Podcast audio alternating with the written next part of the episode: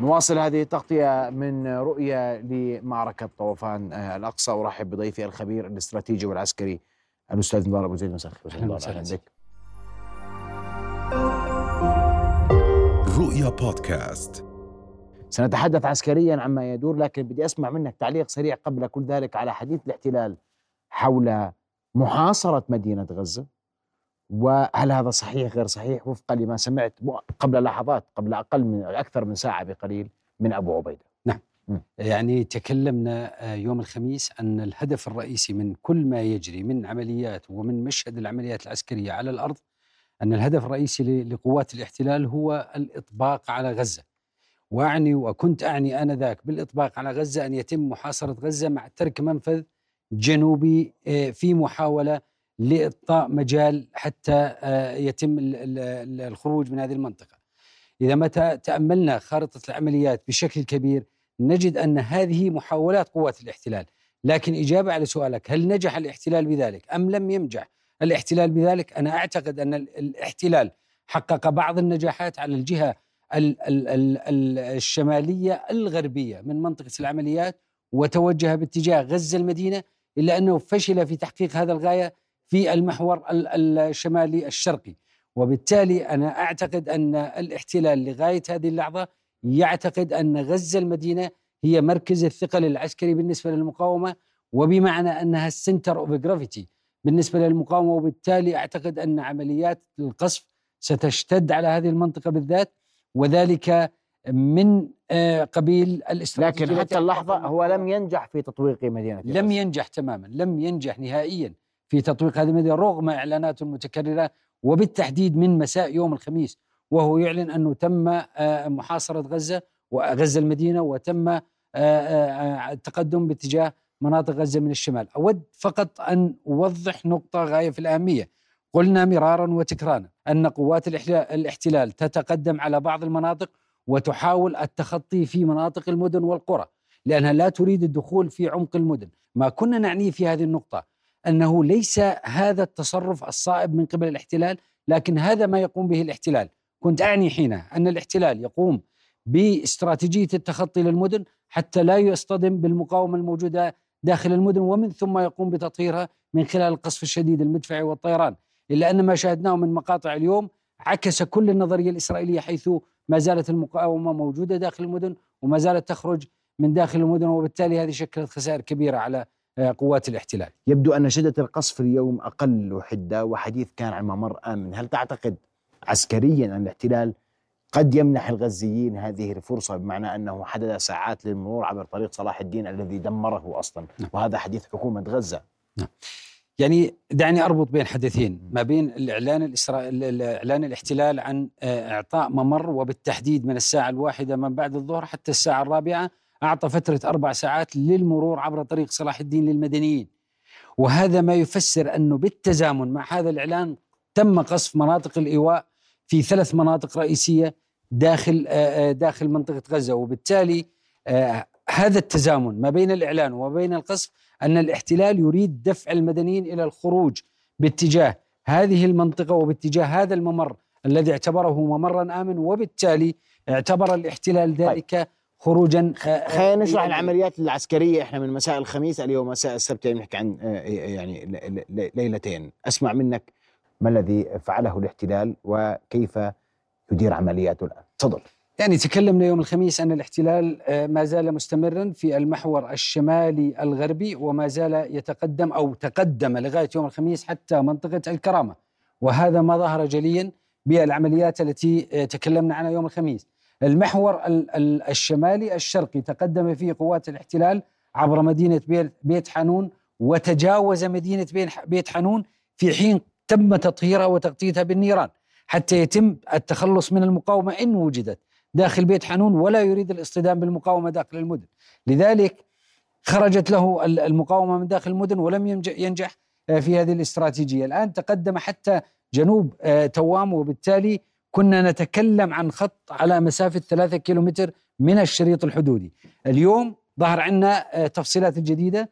بدأت آه، الحديث عن التقدم من مناطق الكرامة باتجاه حي الزيتون هناك معلومات تتكلم عن الشاطئ وقد ذكرناها آه، في حلقات سابقة. أنا أتكلم عن المحور الشمالي الغربي. وبالتالي يبدو أن عملية استعصاء للقوات الاحتلال بدأت ما بين منطقة حي الزيتون وما بين مستشفى آه، الشفاء. أي أن قوات الاحتلال كانت تنوي الوصول إلى طريق الرشيد الساحلي وبالتالي الإطباق على غزة المدينة من الناحية الغربية. هذا ما كان ينوي إليه الاحتلال إلا أن هذه المنطقة بالذات استعصت عليه وواجهت مقاومة شديدة. وبالمناسبة رأينا ذلك من خلال المقاطع التي نشرت مساء اليوم بالتحديد قبل ساعة وظهرت فيها العديد من المشاهد من مشاهد المقاومة وخاصة في استخدام أسلحة الميم دال ضد الجرافات وضد الأليات الإسرائيلية. وأعتقد أن هذا السبب الرئيسي الذي منع الاحتلال من التقدم لمسافة أكبر من حي الزيتون. على المحور الشمالي الشرقي لا يزال هناك آه، تقدمات محدودة.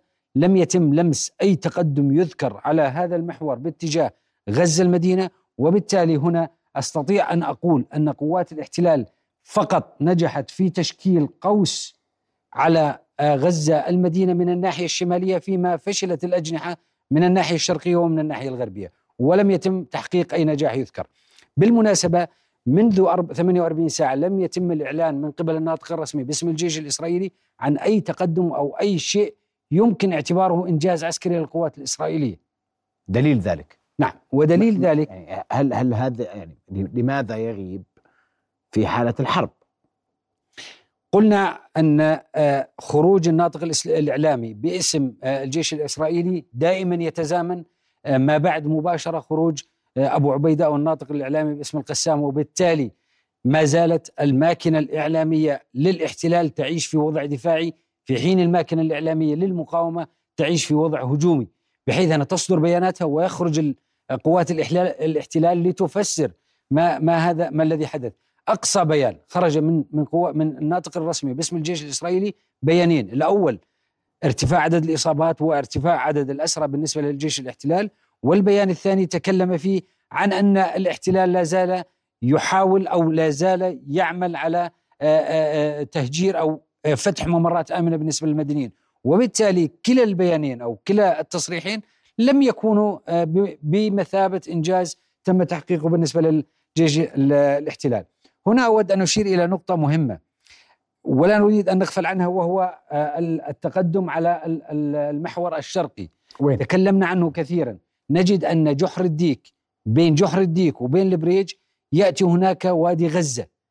بالتالي هذه المنطقة قوات الاحتلال تحاول الوصول إلى طريق صلاح الدين الممتد من شمال إلى جنوب غزة. ماذا يريد من طريق صلاح الدين؟ هو يريد الوصول من طريق صلاح الدين العبور باتجاه الطريق الآخر وهو شارع يعرف بشارع عشرة.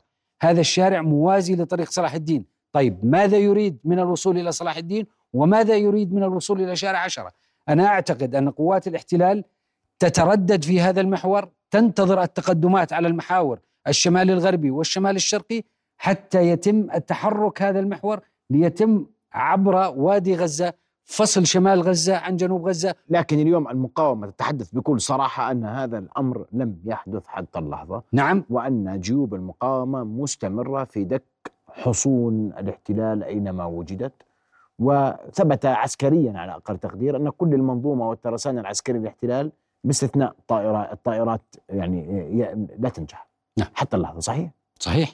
نحن نتكلم عن 28 يوم من القصف الجوي ونتكلم عن ثمان أيام قتال بري.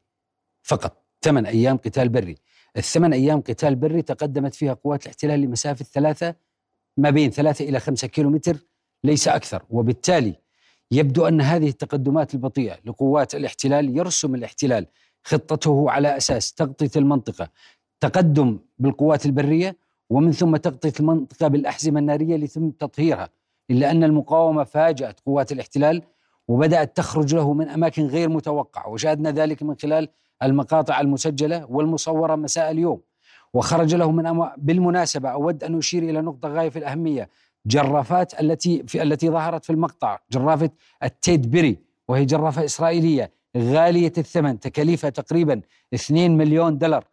وبالتالي هذه الجرافة تم تدريعها بدرعين مزدوجات وتم تدريعها بشبك درعي بحيث لا يتم الوصول إليها. ومن العقيدة القتالية الإسرائيلية لقوات المشاة والدروع أن هذه الجرافة تتقدم قبل المشاة وقبل الدروع وبالتالي وصول قوات المقاومة إلى هذه الجرافة والتي تعتبر أصلا من ضمن حسب ما يعلن الجانب الاحتلال دائما من ضمن فخر الصناعة الإسرائيلية لتصل إليها من نقطة صفر ويتم تدميرها أعتقد أن هذا إنجاز كبير. إذا ما أخذنا بعين الاعتبار أن هذه الجرافة تحمل جنديين سائق وحامل هذه الجرافة وبالتالي هنا أصبحت جملة النقطة صفر هي جملة الرعب بالنسبة لقوات الاحتلال الإسرائيلي.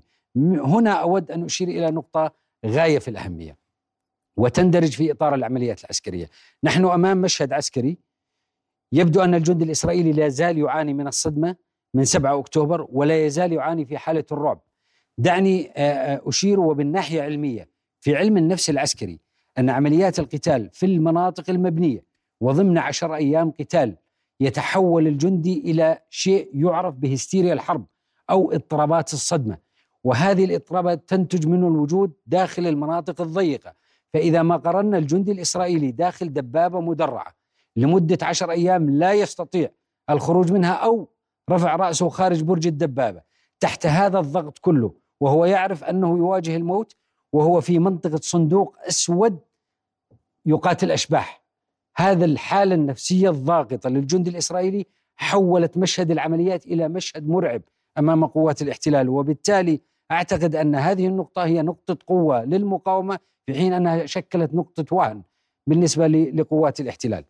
أود أن أشير إلى نقطة أخرى أصلا تتعلق في العمليات العسكرية. أشرنا من برنامجك أستاذ محمد يوم الخميس إلى أننا لغاية اللحظة يوم الخميس لم نشاهد طائرات مروحية طائرات الهليكوبتر. نعم. طائرات الأباتشي أو الكوبرا التي موجودة هي إسناد للعمليات البرية. وهذه طائرات الإسناد المباشر. ولغاية هذه اللحظة بعد 48 ساعة من حلقتك السابقة لم نرصد ولم نشاهد ولم يعلن الجيش جيش الاحتلال عن وجود هذه الطائرات في إسناد العمليات. اذا لا زالت قوات الاحتلال تعاني من رعب الصدمة وتتخوف من وجود أسلحة قد تفاجئ المقاومة فيها قوات الاحتلال. وبالتالي هذا يقودنا إلى نقطة غاية في الأهمية أن جيش الاحتلال لا زال يعاني من نقص في المعلومات الاستخبارية من ناحية جمع المعلومات عن المقاومة أين ومتى وماذا تمتلك من أسلحة قد تواجهها. طيب موضوع امتلاك الأسلحة اليوم ابو عبيده اعلن عن سلاح جديد تم ادخله أدخلته حماس وكتائب القسام في منظومة القتال. وتحدث عن الياسين كثيرا وأن هناك عمليات نقطة صفر تجري بشكل مكثف، تحدث عن إصابات مباشرة وعن فيديوهات ستوضح كل ذلك. واليوم على عكس المعتاد الاحتلال يعني يصدر بعض الصور عن ضربات جوية والقسام يصدر مباشرة عمليات صفر عمليات محققة لإصابة دبابات إصابات جنود شو اللي بيصير؟ يعني آه، قلنا أن القوات الاحتلال عمدت على التقدم بالدروع ومن ثم تمشيط المناطق الخلفية التي تقدمت فيها هذه الدبابات بالنيران وبالتالي هذا يفسر سبب ارتفاع كمية النار التي أطلقت على المناطق التي يفترض أن قوات الاحتلال ادعت بأنها قامت بتطهيرها وبالتحديد في بيت لاهية وفي بيت حانون وفي مناطق شمال الكرامة وعلى المحاور شمال غزة. وبالتالي كلما زاد الضغط على قوات الاحتلال من قبل المقاومة بقنص دروعها أو من خلال الأسلحة الجديدة التي استخدمتها والعبوات الناسفه ترتفع نسبة القصف بالنسبة للمدنيين ويزيد شدة القصف على آه، مناطق المدنيين.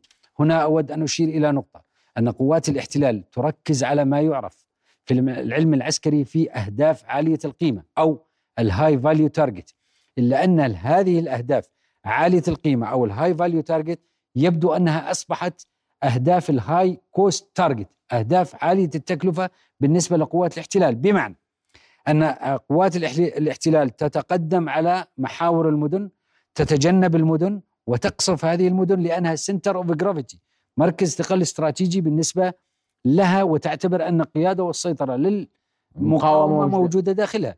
إلا أن هذه الأهداف التي يتم قصفها وتعتقد قوات الاحتلال أنها high value target أهداف عالية القيمة تصبح أهداف عالية التكلفة بسبب خروج هذه الأشباح من داخل المدن وقنص الدبابات الإسرائيلية. هذه النقطة غاية المقاومة أصابت ثلاثة من من من أغلى عتاد الاحتلال إن صح التعبير صحيح؟ صحيح. حسب الفيديوهات التي آه، رشحت وهذه موثقة. ما ظهر في هذه المقاطع هي خمس دبابات ثلاث دبابات من نوع مركافة وجراف جرافة من نوع تيدي بيري وهي عالية التكلفة وناقل الجنود من نوع نمر.